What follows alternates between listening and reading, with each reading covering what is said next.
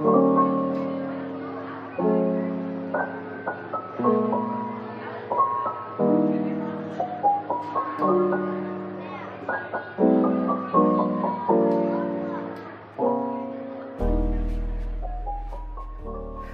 teman-teman muda, kalian sedang mendengarkan UNFPA Indonesia Podcast bersama saya, Rizky Azhar, Youth Engagement UNFPA Indonesia. Di sesi kali ini, kita akan membahas Hari Kepemudaan Internasional 2020 yang bertemakan Youth Engagement in Global Action.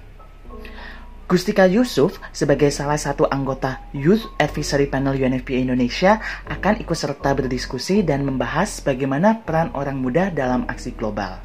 Selamat mendengarkan.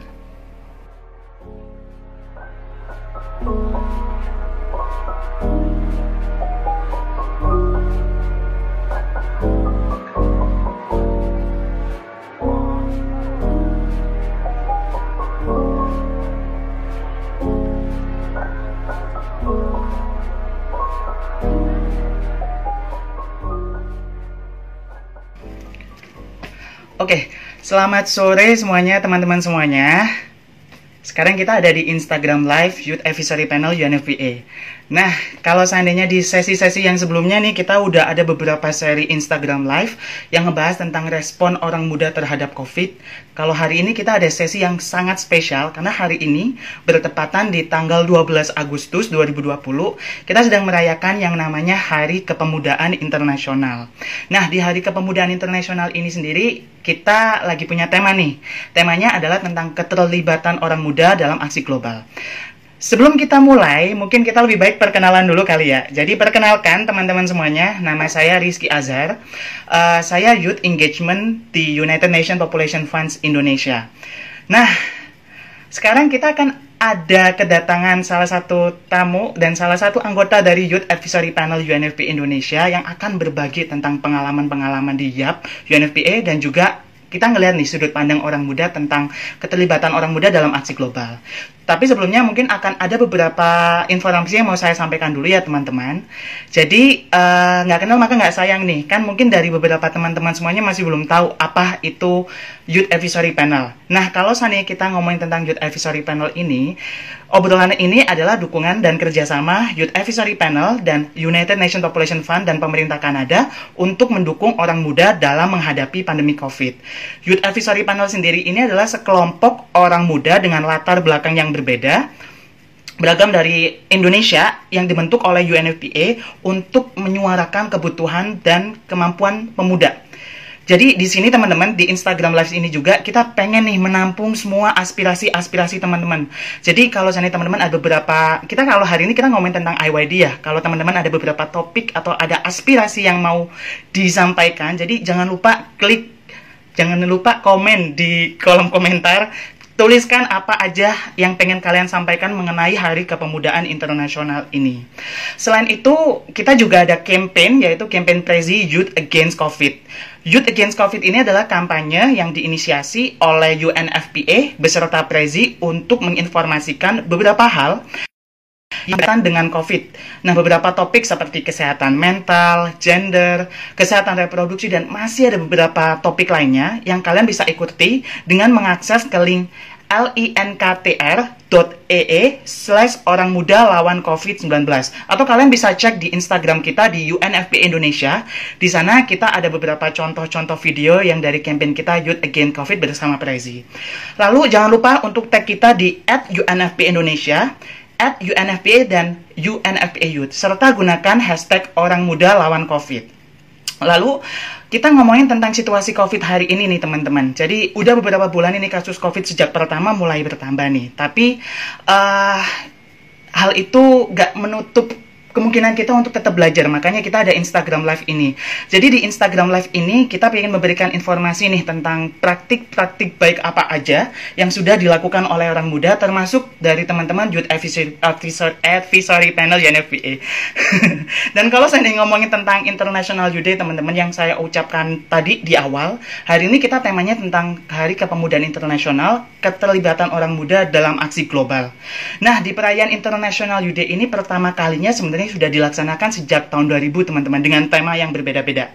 Jadi kalau setiap bulan Agustus nih, selain kita merayakan Hari Kemerdekaan Indonesia, Hari Kepemudaan Internasional juga kita rayakan teman-teman. Jadi tahun-tahun sebelumnya kita ada beberapa kegiatan, di tahun ini kita akan ada kegiatan virtual. Mau ada apa nih UNHP Indonesia kegiatannya di bulan ini, nanti kita akan infokan waktu kita lagi ngobrol sama Gustika. Oke, dan uh, tadi tema tentang International Youth Day itu tentang uh, keterlibatan orang muda dalam aksi global, tapi saat ini Nah, ingin menyoroti keterlibatan orang muda melalui tiga aliran, yaitu yang keterlibatan di tingkat lokal, keterlibatan di tingkat nasional, dan keterlibatan di tingkat global. Bagaimana sih peran-peran orang muda khususnya dari teman-teman Youth Advisory Panel UNFP sendiri ini untuk bisa terlibat dalam isu global dan isu nasional. Makanya itu, saya mengingatkan lagi untuk teman-teman semuanya di sini, jangan lupa untuk tuliskan komentar di, di kolom komentar apabila teman-teman ingin menyampaikan aspirasi teman-teman. Sebelum saya mulai, saya pengen bertanya dulu nih ke teman-teman semua nih, gimana sih kabar kalian hari ini? Kalian bisa tuliskan emoticon apa aja di dalam komentar menggambarkan perasaan kalian saat ini. Ah, ada dari Naira yang menggambarkan I love you. Dan silakan teman-teman kalau saya ada beberapa emoticon atau perasaan yang ingin disampaikan di sesi ini. Oke, kalau begitu tanpa menunggu lama lagi, mungkin kita langsung undang aja Gustika untuk bisa ikut serta ke dalam sesi ini. Nah, sambil menunggu Gustika nih, jadi mengingatkan juga kepada teman-teman semua, untuk bisa berbagi emotikonnya, perasaannya hari ini, walaupun di rumah tetap semangat. Bener nggak Gustika? Bener dong. Nah, Halo kita... Halo Gustika. Nah, teman-teman penonton semua nih penonton. Jadi di sini kita ada kedatangan salah satu tamu kita, Gustika, yang termasuk dari Youth Advisory Panel UNFP Indonesia. Nah, mungkin untuk bisa lebih kenal lebih dalam lagi nih, mungkin Gustika bisa berkenalan lebih lanjut nih, apa kesibukannya dan aktivitasnya saat ini, dan apa nih yang pengen diperjuangkan berkaitan dengan isu orang muda. Silakan. Uh, jadi nama aku Gustika. Uh, minggu lalu bahkan jadi MC, belum satu minggu lalu jadi MC untuk UNFPA Indonesia karena aku adalah bagian dari Youth Advisory Panel. Uh, nanti untuk Youth Advisory Panel mungkin kita akan bahas lebih dalam lagi ya kayak.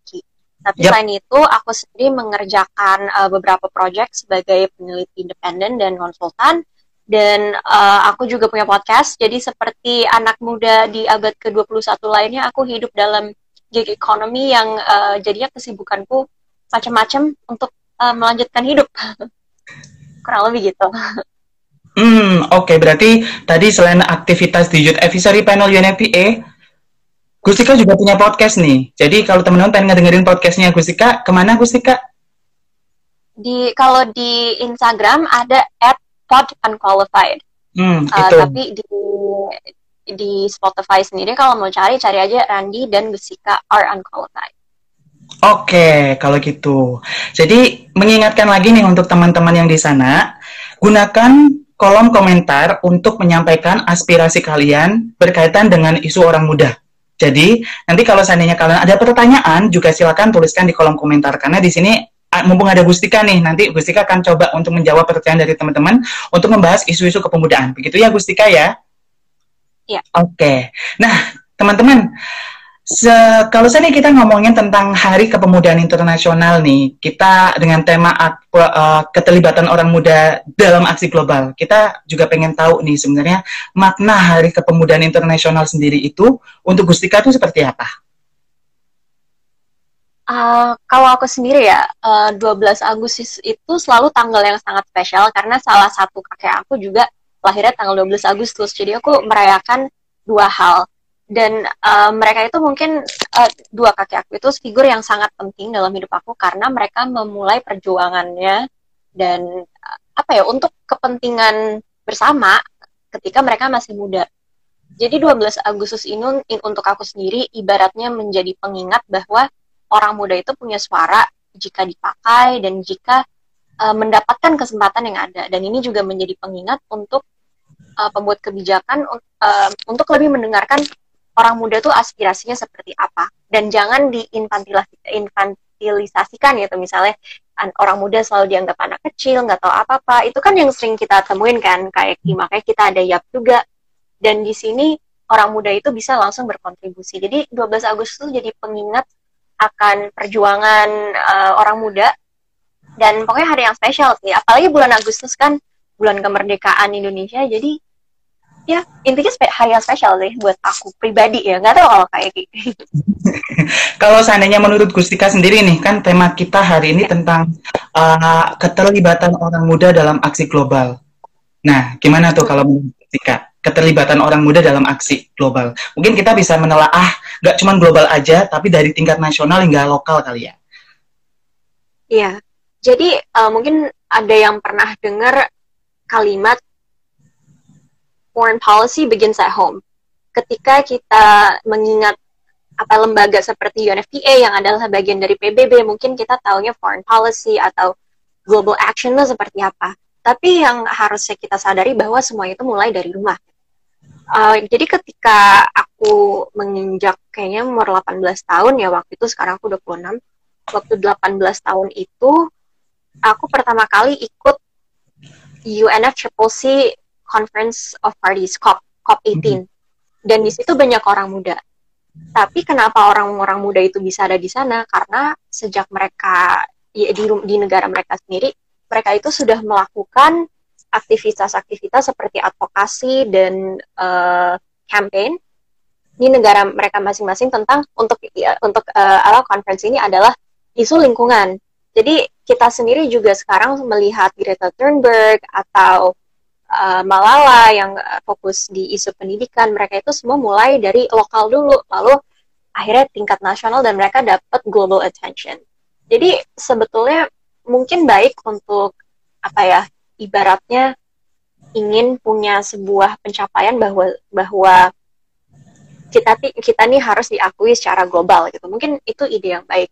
Tapi menurutku sendiri seharusnya bukan itu gitu utamanya. Kita harus menyadari bahwa uh, global action ini adalah sebuah movement yang kita semua sebagai mungkin organisasi organisasi kecil-kecilnya pun itu berarti gitu. Walaupun mungkin organisasinya tidak funded by a corporate tidak tidak apa ya di, dibiaya oleh sebuah korporat yang sangat besar sehingga bisa mendunia saat itu tapi don't worry about that. Jadi fokusnya di isunya sendiri menurutku gitu Oke, berarti kalau saya bisa aku artikan melihat dari lingkungan sekitar kita yang paling dekat dulu nih, apa aksi yang bisa kita lakukan yang nantinya dari sesuatu yang kecil nanti akan menjadi sesuatu yang besar kayak Greta yang tadi disebutkan dan dari dari beberapa oh. video lain, benar banget. Nah, kalau saya kalau begitu saya ada kayak kayak ini kayak Yap sendiri sorry yeah. jadi motong. Tapi kayak sendiri. Soalnya setiap uh, anak-anak di Yap itu awalnya mereka tergabung dalam sebuah organisasi. Misalnya uh, di Yap kan ada Yan yang uh, tergabung di uh, terus ada Bella yang tergabung dalam Grow Up, aku sendiri YouTube Indonesia, Kitin uh, karena dia kedokteran jadi tergabung dalam ada Jimsa. satu yang buat Jimsa itu namanya. Banyak Julio uh, rumah Inggris. Terus nggak bisa disebutin satu-satu sih tapi juga misalnya Akas uh, aktif kan dalam komunitasnya sebagai uh, orang muda yang uh, masuk dalam kategori difabel. Dan ada organisasinya juga. Dan karena dia dari dari orang muda yang tuli itu dan dari dari aksi yang lokal ini akhirnya bisa dibilang kalau YAP ini sebuah movement atau gerakan yang nasional juga kan kak. Karena kan kita dari berbagai macam daerah di Indonesia, Jakarta ada, terus ada yang di Palu, ada yang di Aceh, Medan gitu, terus ada yang di Jogja. Jadi itu sih contohnya. Aka sekarang di Makassar juga, jadi maaf potong kak. Iya nggak apa-apa. Jadi kalau yang ngelihat dari orang muda, kita bisa melihat dari YAP juga ya, dari teman-teman perwakilan dari daerah yang sebenarnya punya organisasi nih. Tapi mungkin kalau saya di UNFPA ini kita pengen menyediakan tempat atau platform orang muda untuk bisa menyampaikan aspirasinya gitu. Jadi teman-teman selalu ikutin sosial medianya UNFP Indonesia dan UNFP Youth ID karena semua update dan informasi terkait dengan orang muda dan di UNFPA gimana kita bisa melibatkan orang muda semuanya ada di sana begitu. Kalau gitu kita beralih ke pertanyaan selanjutnya nih untuk Gustika nih. Nah, uh, sesuai dengan tema IYD, IYD tadi keterlibatan pemuda uh, peran yang bisa diambil oleh orang muda di Indonesia dalam berpartisipasi apa? Sebenarnya banyak ya peran yang bisa diambil. Uh, kita bisa mulai dari berorganisasi. Tapi mungkin kalau harus dibagi banget ya, uh, kita mulai dari pilih isu yang paling dekat dengan kita, yang kita paling hmm. peduli gitu. Jadi uh, tapi kalaupun misalnya mau sekedar ikut-ikutan karena penasaran pada awalnya, rasanya juga nggak masalah kan, karena mungkin itu menjadi pintu masuk untuk kita mencari sebetulnya pada akhirnya isu apa sih yang kita peduli, passionnya tuh dalam isu kita ada di mana. Tapi yang penting adalah uh, pertama adalah riset, riset, riset, riset, riset. Jadi kalau kita mau menyuarakan sesuatu, tentu harus ada basis datanya atau buktinya. Jadi semua harus evidence based dan itu di mana-mana gitu harus diteliti dulu. Kedua, uh, kita juga bisa advokasi soal isu tersebut dan ketiga kita juga bisa kampanye uh, isu tersebut. Jadi itu mungkin uh, mulai dari mananya ya, gitu. Dan saya jadi pernah itu uh, teringat kalau saya kita itu harus tiga h saat melakukan sesuatu Tahu nggak apa itu? Tiga H itu jadi heart, head, sama hand. Jadi lakukan dengan oh. hati, terus menggunakan riset dengan logika, lalu kita mengerjakan sesuatu dengan tangan kita gitu bener nggak gitu okay.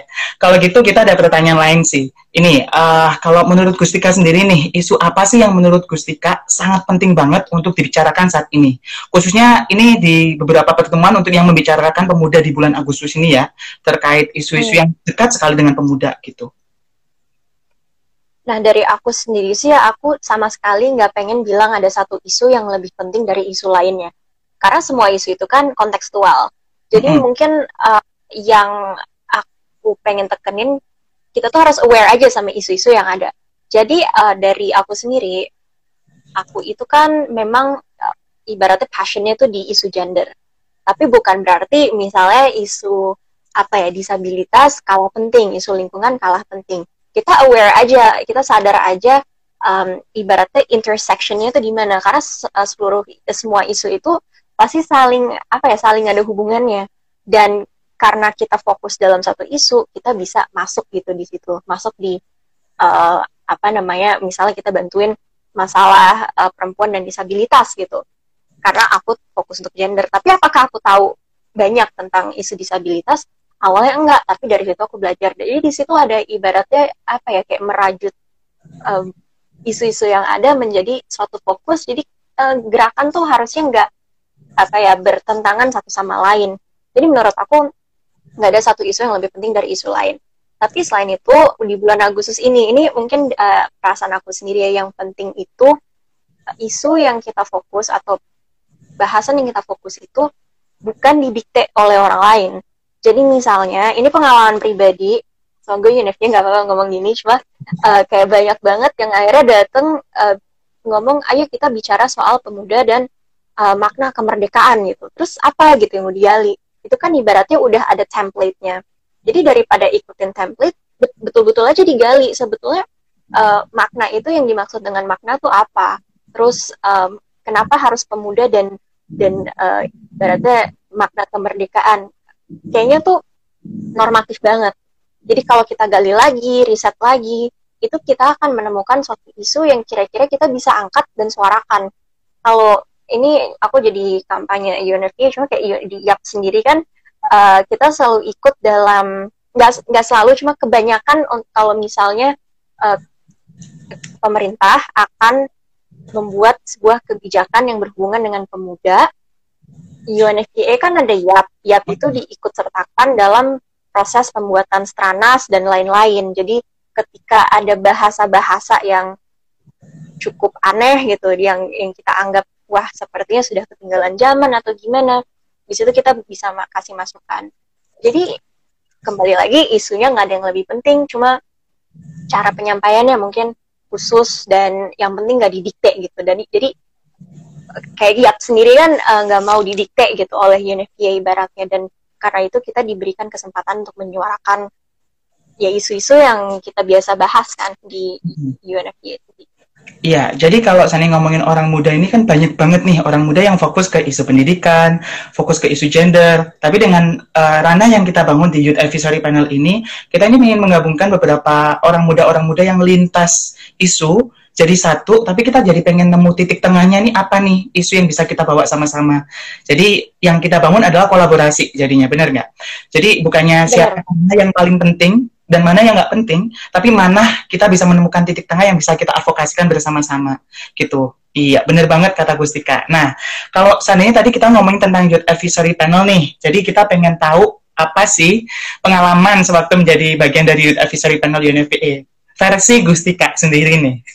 Oh.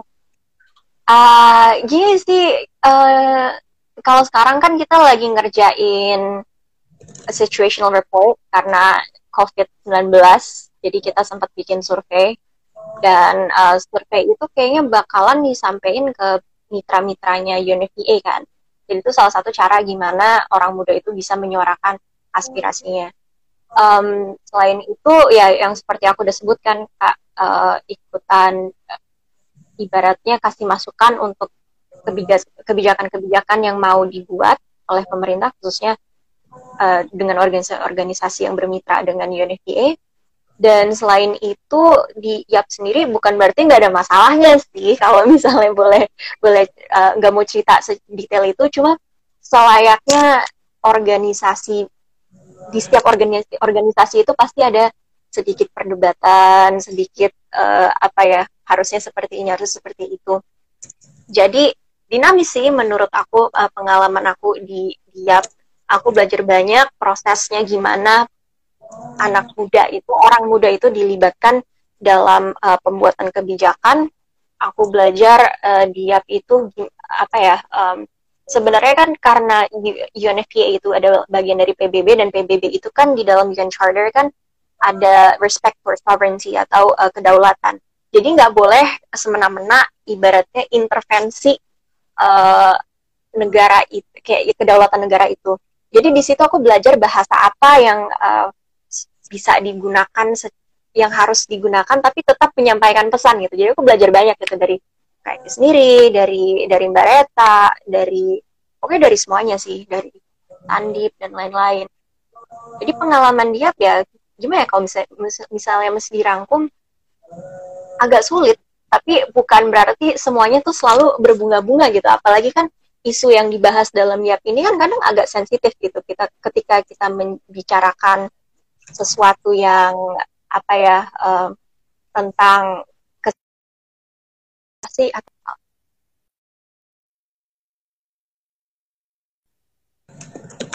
Oke, okay, tadi agak keputus nih, aku udah balik lagi nih. tadi keputus nggak? Oke. Okay. Oke, okay, balik uh, lagi ya. Tahu. Oke, okay, kalau gitu. Oke, okay, kita lanjutin aja sih. Tadi sempat keputus, tapi sekarang udah balik lagi. Jadi aku pengen bertanya ke beberapa topik lainnya nih ya.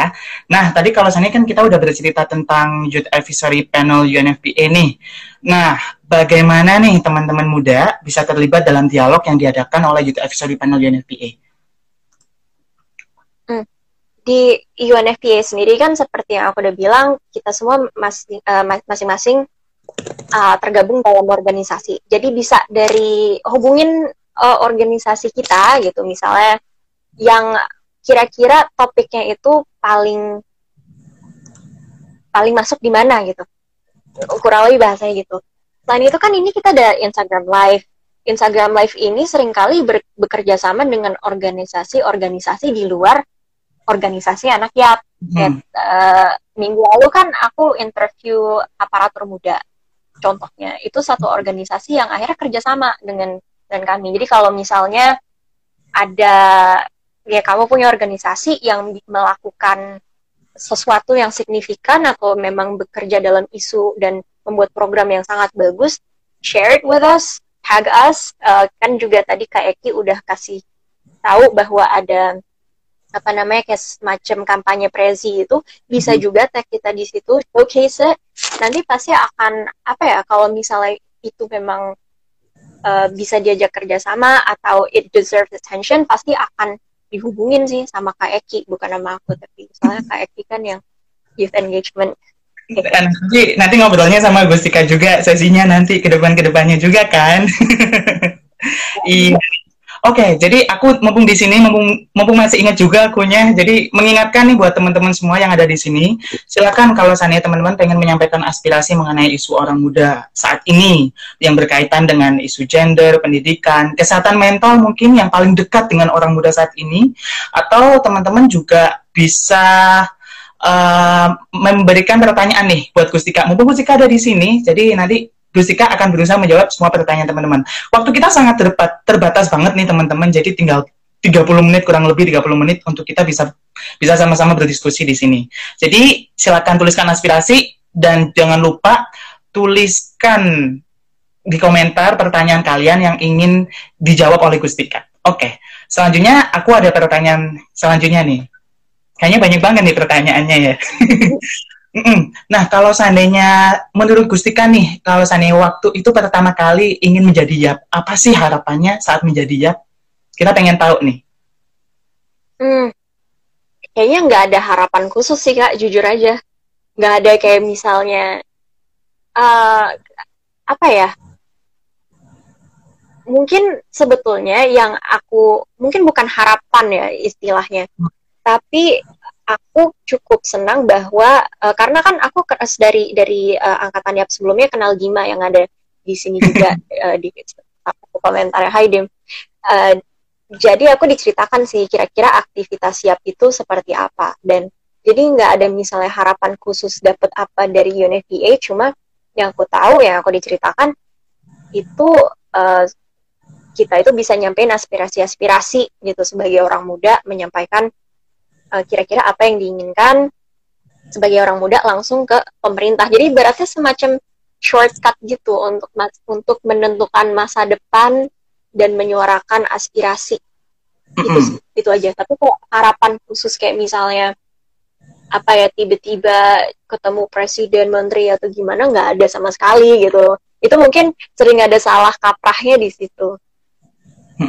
Jadi uh, harapannya terkhusus lagi sebenarnya pengen bisa menyampaikan aspirasi-aspirasi itu ya Gustika ya. Nanti mungkin nggak tahu satu tahun lagi atau dua tahun lagi nanti kita bakal buka episode panel ke teman-teman yang baru gitu yang siapa tahu nanti penerusnya Gustika akan ada sebagai youth advisory panel. Nah, oke okay, selanjutnya nih aku ada pertanyaan nih tentang pesan kepada orang-orang muda. Kalau seandainya uh, tadi harapannya dia sekarang saya pengen tahu nih harapan Gustika nih ke depannya untuk pemuda di Indonesia apa nih? Hmm. Uh, kayaknya sih pertama itu kemandirian ya. Tapi uh, kenapa aku bilang gini adalah ketika ini kan kita di dalam era post truth dan lain-lain. Ketika kita berbicara sesuatu seperti yang udah disentuh tadi, harus kita harus cari tahu terlebih dahulu tentang isu tersebut. Jadi jangan reaktif gitu. Dari situ bisa membuat apa ya ibaratnya kayak sebuah sebuah gerakan dan yang aku udah sampein juga tadi jangan mau didikte gitu. Kecuali memang percaya gitu. Jadi bukan misalnya kita menolak atas dasar karena oh kita nggak mau kerja sama sama orang tua gitu. Tapi intergenerational dialogue atau dialog antar generasi itu penting. Tapi bukan didikte gitu. Jadi harapan aku orang muda itu bisa punya pendirian bisa mandiri dalam menentukan nasibnya di masa depan Selain itu juga bisa memutus rantai dari hal-hal yang tidak baik yang kita warisi dari ya warisi ya kurang lebih dari generasi-generasi sebelumnya. Tentunya aku juga menyadari ya itu mungkin nggak bisa sepenuhnya diputus gitu. Rantai kayak evil will always exist kayak selalu akan ada keburukan dalam dunia. Kita nggak bisa uh, apa namanya utopis juga. Tapi dari kitanya sendiri kita membangun kesadaran untuk menjadi orang yang lebih baik, berubah menjadi yang lebih baik. Dan itu proses, tapi nggak masalah, asal kita ada niatnya. Mm-mm. Berarti harus dimulai dari diri sendiri, sendiri dulu nih untuk tetap kritis, lalu juga berani untuk bisa melakukan yang lebih baik ya Gustika ya. Nah kalau iya. Gustika ini jadi perwakilan orang muda nih untuk memberikan masukan kebijakan yang strategis, kebijakan apa nih yang pengen Gustika ingin direkomendasikan? Uh, Oke, okay. ini kembali lagi ini nggak mewakilin Youth Advisory Panel, mm-hmm. ataupun UNFPA sendiri. Cuma aku sendiri sangat uh, apa ya menaruh perhatian pada RUU PKS karena menurut aku itu penting untuk diriku. Tapi ini nggak mewakili anak-anak YAP lainnya juga ya karena opini pribadi. Tapi di sini uh, aku rasa or, uh, kita juga bisa memilih isu yang kira-kira kita bisa kasih masukan gitu. Um, jadi sesuai ibaratnya keahlian dan dan apa ya uh, keahlian dan fokus atau passion masing-masing. Jadi bukan misalnya ada suatu isu kita semena-mena loncat ke dalam isu tersebut terus tiba-tiba sebar hoax kan mm -hmm. sering kita lihat juga kan tiba-tiba ada yang mengklaim sudah membuat obat untuk COVID-19 jadi kan ini kayak misalnya ini mungkin maaf jadi panjang cuma sekarang itu kan sekarang ini kan kita lagi dihadapi dengan COVID kita bisa masuk dengan isu kita sendiri jadi di situ uh, kesempatan di mana kita tuh bisa orang muda bisa uh, masukin uh, saran gitu da dari keahlian masing-masing. UNFPA sendiri kan tentu tentang kepemudaan apa YAP sendiri YAP UNFPA tentang kepemudaan apa isu-isu seputar COVID yang dihadapi oleh orang muda gitu. Jadi bukan tiba-tiba kita bilang obat atau uh, obat corona sudah ditemui. Jadi itu sih kita itu yang kayaknya isu strategis yang menurut aku bisa diperjuangkan saat ini. Kalau nantinya atau ya tergantung masing-masing juga sih nantinya sebelumnya karena isu kan macam-macam. Berarti kalau seandainya aku bisa simpulkan nih, jangan mengikuti tren, hanya mengikuti tren, tapi harus riset, riset, riset, ngelihat yang benar-benar deket sama kita dan pengen apa yang pengen kita perjuangkan secara individu. Dengan begitu kita bisa mempengaruhi orang lain untuk bisa ikut nih bergerak bersama. Gitu yang dimaksud Gustika ya. Oke, okay, dan, dan itu ya. Gimana? Kritis dan harus tetap kritis. Benar, benar. Oke, okay, selanjutnya ini tadi ada satu pertanyaan nih. Saya geser dulu. Jadi tadi ada pertanyaan dari Dima. Hai Dima. Apakah ada tips untuk orang muda untuk bisa tetap berkembang dari sisi pendidikan atau karir meski di masa pandemi? Gimana kalau dari Gustika ada nggak? Oke, okay, uh, eh, menurut aku pertama kita harus fokus bukan fokus cuma perhatikan mental health juga ya. Karena kan karena pandemi ini banyak yang apa ya, terlalu terlalu tertekan memikirkan uh, banyak hal dan dan sehingga yang mak maksudnya maunya produktif jadi tidak produktif. Jadi produktivitas itu nggak bisa dipaksakan.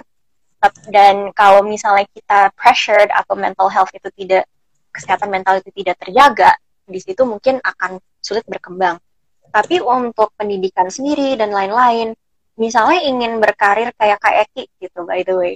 Uh, di UNV itu ada beberapa kesempatan di mana kita bisa meluangkan waktu uh, ya beberapa jam seminggu untuk volunteer project-project yang di endorse kurang lebih ya sama UN Volunteers. Di situ kita bisa cari itu untuk mulai. Karena aku aku sendiri tuh sadar bahwa uh, di masa pandemi ini untuk mencari pekerjaan yang tetap kayaknya masih agak sulit. Jadi mulai dari volunteering itu salah satu caranya. Untuk pendidikan sendiri kan uh, juga banyak uh, kayak courses atau kursus-kursus yang online gitu. Walaupun jangan semuanya tiba-tiba ikut karena itu pasti akan kewalahan. Ya kira-kira pilih beberapa yang skill apa yang mau kita kita tingkatin gitu. Jadi kita kenalin diri sendiri. Kita kayak misalnya, oke okay, Gustika sekarang pengen uh, ningkatin skill tentang humanitarian akhirnya kita cari kursus yang tentang um, humanitarian logistics gitu misalnya online atau uh, apa ya kayak oh mau belajar sesuatu tentang uh, I don't know like IT gitu. Itu juga ada pasti di online online itu. Jadi imbalance-nya dari situ dulu. Mungkin uh, aku terdengar apa ya bukannya mau discouraging tapi aku sadar bahwa pandemi ini susah banget untuk dapet yang stabil. Tapi nggak ada salahnya mulai dari volunteering itu kecil-kecil dan itu bisa menambah portfolio dan ketika apalagi kalau young volunteers kan it's international uh, apa internasional dan ketika itu sudah ada gitu kelihatan gitu di di CV kayak wah ini anak pernah kerja di project yang uh, di luar Indonesia gitu. Itu kayaknya keren aja. Tapi ini dari aku mungkin terlalu normatif tapi itu mungkin salah satu cara sih Mm -mm. Oke, okay. aku jadi tertarik nih untuk bisa menggali tentang kreativitas orang muda ya. Soalnya kalau saya di situasi pandemi ini ternyata banyak banget inisiatif orang muda yang semua secara virtual tapi beragam dari performance dan segala macamnya. Apalagi kalau saya Gustika kan aktif di podcast nih. Nah, aku pengen tahu nih gimana sih Gustika sendiri menggali kreativitas itu, termasuk gimana caranya biar tetap bisa aktif voluntary. Mungkin mungkin memang cari informasi di internet atau memang dari platform itu kita uh, cari informasi, tapi kita juga berbagi informasi. Gimana tuh kalau pengalaman dari Gustika? Kalau aku sendiri uh, selalu nulis jadwal uh, dengan tangan, karena itu yang apa ya, it works for me the best. Gitu. Hmm. Dan jadi aku melakukan journaling. Aku juga mencatat perasaan aku saat hari itu seperti apa. Aku lagi marah, sedih, atau frustrasi. Itu aku catat perasaannya dan itu aku ibaratnya tracking mood aku seperti apa juga. Mood tracking itu penting, jadi tahu gitu kira-kira faktor eksternal apa yang bikin kita stres atau faktor internal apa yang bikin kita stres. Dari situ uh, ketika kita bisa apa ya pinpoint kira-kira stressornya apa yang bikin stres itu apa, kita ibaratnya memitigasi. Jadi itu cara aku untuk lebih apa ya biar bisa lebih apa ya produktif hmm. tapi bukan produktif yang di ya, yang balance produktif dan kreatif yang tidak dipaksakan dan aku sendiri karena podcast aku ibaratnya tentang kehidupan gitu ya uh, jadi stressor yang aku identifikasi itu kadang jadi bahan podcast gitu misalnya uh, apa ya uh, kayak faktor lingkungan kenapa gitu kemarin itu kita baru bahas uh, kan sampai lupa tapi kayak baru bahas satu isu uh, terburu-buru gitu. Jadi kenapa sih kita tuh dalam hidup harus terburu-buru? Dan itu kadang jadi pressure buat aku dan itu yang aku ajukan juga jadi topik gitu untuk podcast uh, saat itu. Jadi semua tuh mulai dari lingkungan gitu. Kalau kita lihat di lingkungan kita ada seseorang yang kita harus bantu atau satu hal yang kita harus turun tangan, ya turun tangan aja gitu. Jadi either volunteering atau ya apa pun lah yang kira-kira bisa bikin kita nyaman gitu. Aku aku sendiri sih nyaman dengan podcasting dan itu salah satu cara aku untuk melampiaskan uh, apa ya kayak selain perasaan juga berbagi gitu sama orang-orang tentang isu-isu tertentu. Mm-hmm. Berarti dengan cara produktif kita bisa juga kreatif. Jadi dengan menulis kalau saya Gustika tadi bilang dengan journaling, lalu dengan uh, tracking mood yang tadi dibuat oleh Gustika lalu dibuat ke dalam. Jadi sebenarnya teman-teman itu juga bisa nih menulis sesuatu kalau memang hobinya menulis. Kalau memang suka chit chat atau ngobrol sesuatu lewat podcast misal itu juga bisa dipakai gitu. Oke okay. berkaitan dengan International Day lagi nih saya jadi penasaran juga nih. Uh, kalau ngomongin tentang isu COVID nih yang berkaitan dengan isu COVID ini apa sih yang jadi concernnya Gustika nih aku, eh, nah karena tadi hmm. tadi kan ditanyain kira-kira apa uh, isu strategis yang pengen aku dorong gitu kan hmm. sebagai orang muda dan kenapa aku bilang RUU PKS salah satu isunya adalah di masa covid ini uh, tingkat dari kekerasan seksual itu meningkat dan itu hmm. satu isu yang aku rasa tuh harus dibahas dan digali dan uh, harus ada kebijakan yang lahir dari situ kemarin kan kita juga udah semakin apa ya melihat kasus aneh-aneh apalagi yang ada. Itu sih. Jadi di masa covid menurut aku itu tapi it, itu salah satunya maksudku. Tapi selain itu ya isu yang dekat dengan kita aja. Kalau aku rasa untuk orang muda ya isu pekerjaan tuh itu penting banget. Transisi dari pas lulus sampai masuk ke pekerjaan aku aja lulus 2018 masih agak apa ya kadang tuh ketemu mandek-mandek tertentu di di beberapa tempat. Kayak ada banyak pekerjaan kalau di, di development itu mereka minta oh harus punya uh, eh, S2 hmm. untuk uh, posisi tertentu. Dan di situ kan itu udah hurdle tersendiri. Jadi ya isu isu masuk ke pekerjaan itu sih uh, transisi dari dari pendidikan ke pekerjaan harus jadi salah satu fokus di COVID apa di di masa pandemi ini untuk menjadi uh, kebijakan. Selain itu ya kita bisa identifikasi sendiri sih kira-kira di di sekitar kita apa aja isunya. Lingkungan uh, sekarang kan sampah masker jadi banyak banget sama sampah-sampah dari pesanan makanan uh, online gitu. Iya, itu kan udah dari by the way.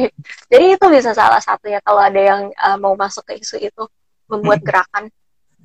Iya, jadi kalau misalnya kita ngeliat di sosial media nih banyak beberapa isu-isu yang muncul ya kan di sosial media. Dan ternyata isu itu isu-isu itu menjadi viral karena memang diberitakan di sosial media. Sayangnya masih belum ada beberapa kebijakan-kebijakan yang sebenarnya bisa mengatasi beberapa isu yang lagi naik itu gitu loh. Makanya perlu kita dorong nih orang muda untuk kalau misalnya kita memang aktif di sosial media kita bersuara lewat sosial media. Benar nggak? Nah kalau misalnya aku iya. lihat juga nih uh, Gusika kan suka bersuara juga nih di platform-platform kayak Twitter dan gitu-gitu. Mau ada saran, tips, dan pesan nggak buat orang-orang muda nih? yang berkaitan dengan penggunaan sosial media agar mereka terpapar sama isu hoax, tapi mereka juga ikut aktif, mau riset dan berbagi eh, isu-isu uh, penting lainnya. Ya. Silakan. Kalau aku sendiri, kalau aku sendiri yang paling pertama, ketika kita bersuara harus sadar dengan adanya undang-undang yang bisa menjerat kita kalau ngomongnya terlalu sembarangan. Aku sendiri kadang ngomongnya suka merepet-merepet, nyerempet gitu, tapi uh, harus cukup hati-hati agar tidak menyebar yang uh, yang tidak benar gitu. Jadi ketika kita melihat suatu berita, jangan misalnya langsung di-share, klik dulu, dibaca dulu, dicerna gitu kira-kira apa dan di di compare di apa sih namanya ditaruh satu misalnya media A dan media B dilihat beritanya seperti apa. Jadi di situ kita bisa lebih paham sebetulnya apa sih yang bisa sebenarnya apa sih substansinya karena kadang memang beberapa headlines itu kan clickbait ya. Jadi itu aja sih. Jangan terlalu jangan langsung reaktif. Kadang kan uh, yang dilakukan adalah melihat sesuatu yang ya bahasanya karena bahasa memang udah menjurus dan langsung bereaksi. Harusnya bisa lebih menahan diri. Tapi selain itu, uh, mungkin juga kita kan harus formal-formal amat di, di media sosial. Kita bisa menggunakan bahasa-bahasa yang populer sekarang tuh uh, bisa menggunakan meme untuk menyuarakan sesuatu atau meme atau meme sih sebutannya oh dari dulu sebutnya meme cuma beberapa orang bilangnya meme hmm. itu itu salah satu contoh sih kayak bisa buat kayak visual graphic or whatever yang kira-kira menarik di dan di pack dengan informasi dan kita ketika kita masukin informasi jangan lupa cantumkan sumbernya dari mana. Supaya nggak misalnya ini nyolong konten apa segala macam ya tapi bukan itu sih fokusnya. Fokusnya adalah emang di mana-mana di kuliah pun atau pas SMA pun kita kan kalau bikin makalah kan harus ada ininya kan harus ada source-nya.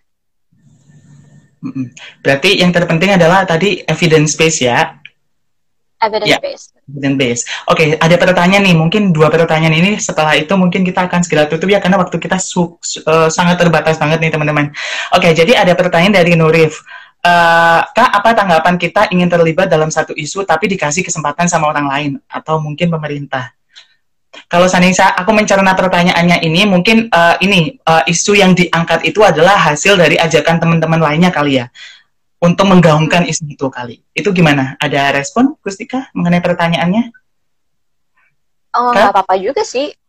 Kan uh, tadi aku udah bilang kalau misalnya itu cara apa ya uh, pintu masuknya adalah diajak orang dulu atau kita ikut-ikutan, ya nggak apa-apa. Asal kita benar-benar bisa introspeksi diri dan kita bisa benar-benar pelajari isu itu nantinya. Karena kan pasti juga pernah lah yang kita tuh masuk ke dalam satu isu yang kayaknya tuh oh udah bagus banget nih organisasi ini. Tapi ternyata di dalamnya tuh banyak masalah yang sampai uh, ini semoga ngomongnya nggak terlalu nyerempet cuma misalnya masalah korupsi di dalam organisasi tersebut gitu. Lalu kita kan pada akhirnya mau keluar gitu atau udah memang udah didesain programnya seperti itu kalau nggak cocok kita bisa pelajarin apa yang kita uh, ketika kita memang udah masuk ke dalam isu itu dan buat gerakan sendiri yang menjawab apa yang tidak terjawab gitu oleh um, apa ya organi organisasi ini atau sebelumnya. Tapi kalau dari pertanyaan ini yang dimaksud gitu misalnya adalah kenapa yang disorot orang lain dan bukan kita atau teman kita atau dan bukan kita, yang nggak tahu juga. Memang uh, kadang itu jadi masalah ya. Ka uh, mungkin dengan era sosmed ini aku juga ngerasa ada banyak persaingan yang toksik yang apa ya kayak ibaratnya semuanya itu harus ditampilkan.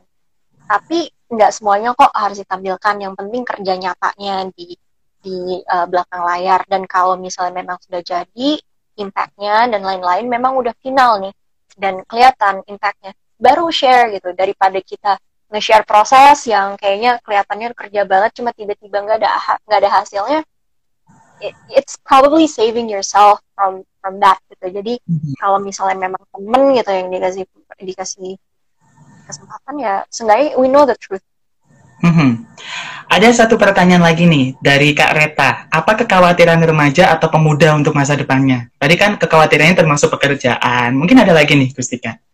Kekhawatirannya. Wah, banyak, banyak banget. Lingkungan sih. Lingkungan nih kayaknya rasanya tuh kadang dunia udah mau kiamat.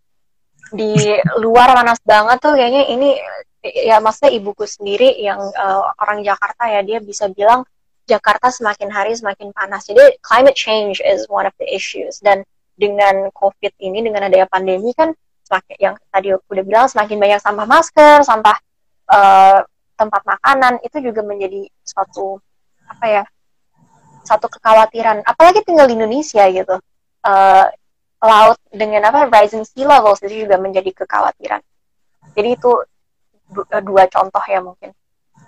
Hmm, okay. Tapi banyak banget nggak aku nggak bisa bilang nggak bisa mewakili semua orang muda Jadi kecemasannya gimana di mana planet yang kita tinggal ini nggak nggak habis ya karena karena iya. karena kita sampai sembarangan gitu. Oke, kalau begitu. Waktu kita sangat terbatas banget nih, Gusika. Jadi Aku personally terima kasih banyak atas waktu Gustika untuk bisa ikut serta dalam Instagram Live ini. Dan Gustika nanti juga mau mengingatkan nih ke Gustika dan teman-teman lainnya, kita akan ada uh, perayaan Hari Kepemudaan Internasional di tanggal 15 dan tanggal 16. Di tanggal 15 ini akan ada beberapa teman-teman dari konten kreator yang termasuk dari Community of Practice di UNEP Indonesia yang akan berbagi dengan pengalamannya tentang bagaimana sih bisa membuat konten kreator antar uh, lintas uh, kelompok konten kreator ini agar punya key message yang strategis. Jadi teman-teman harus ikutan tanggal 15. Lalu yang tanggal 16 nanti Gustika kalau bisa ikutan juga karena nanti kita akan coba paparkan hasil survei atau paparan dari laporan situasi yang udah dirancang oleh teman-teman Youth Advisory Panel ya, yang nanti akan disampaikan di sesi dan nanti akan dipublikasikan kepada teman-teman semua. Jadi uh, jangan jangan lupa untuk follow Instagram kita di UNFP Indonesia dan UNFP ID. Ikuti campaign-campaign kita dan uh, sebagai penutup aku mau mengambil kesimpulan dulu nih Gustika. Jadi yang terpenting juga nih untuk teman-teman semua di sana kalau seandainya ingin melakukan sesuatu, lihat yang paling dekat di sekitar kita. Jangan cuma ikut-ikutan tapi temukan passion yang ada di diri kalian, di mana kalian itu memang bisa berkontribusi ke dalam isu itu. Tapi jangan lupa harus ada riset, riset, riset, dan itu evidence based. Bener kan? Dengan begitu kamu juga uh, apa yang kamu perjuangkan itu akan lebih bermakna. Dan yang dimaksud bermakna ini adalah itu harapan dari kita dari teman-teman di Youth Advisory Panel UNFPA untuk memastikan agar teman-teman muda ini punya platform di mana kita bisa menyampaikan aspirasinya. Jadi uh, kalau kita bilang uh, apa yang ngomongnya ya uh, lintas dialog lintas usia mungkin di mana orang muda dan orang dewasa bisa saling bertukar pikiran. Jadi apa yang dirancang oleh pemerintah itu juga dari sudut pandang orang muda. Kalau seandainya aku mau tutup dengan dengan statement ini biasanya aku selalu bilang, when it comes to youth, nothing about youth without youth. Jadi kalau seandainya kebijakan itu mau dirancang untuk pemuda, itu bukan untuk pemuda. Kalau seandainya orang muda sendiri itu nggak dilibatkan dalam pembuatan kebijakan. Begitu. Itu pesan dari saya. Kalau seandainya Gustika mau ada kata menutup? Uh, enggak sih, cuma mungkin se senada dengan tema uh, uh, International Youth Day tahun ini, uh, act local, think global. Oke, okay. act local, think global. Oke, okay, kalau gitu terima kasih buat Gustika dan teman-teman yang sudah berpartisipasi di Instagram Live Story ini. Jangan lupa follow Instagram kita di UNP Indonesia dan UNP Youth ID dan ikuti podcastnya Gustika juga. Nanti di sana kita juga akan share uh, informasi mengenai acara kita di tanggal 15 dan tanggal 16. Ngomong-ngomong kita juga ada kompetisi TikTok video nih Gustika. Nanti Gustika ikutan juga oh, ya. Iya ada. Jadi teman-teman silakan oh. Instagram kita untuk tahu lebih lanjut kompetisi video TikTok apa sih yang mau dirancang nih sama UNF Indonesia yang nanti akan ditampilkan di tanggal 16. Kalau begitu itu saja dari saya. Terima kasih atas partisipasinya. Sampai ketemu dan sampai jumpa di sesi Instagram Live selanjutnya. Dadah, Gustika. Terima kasih. Dadah.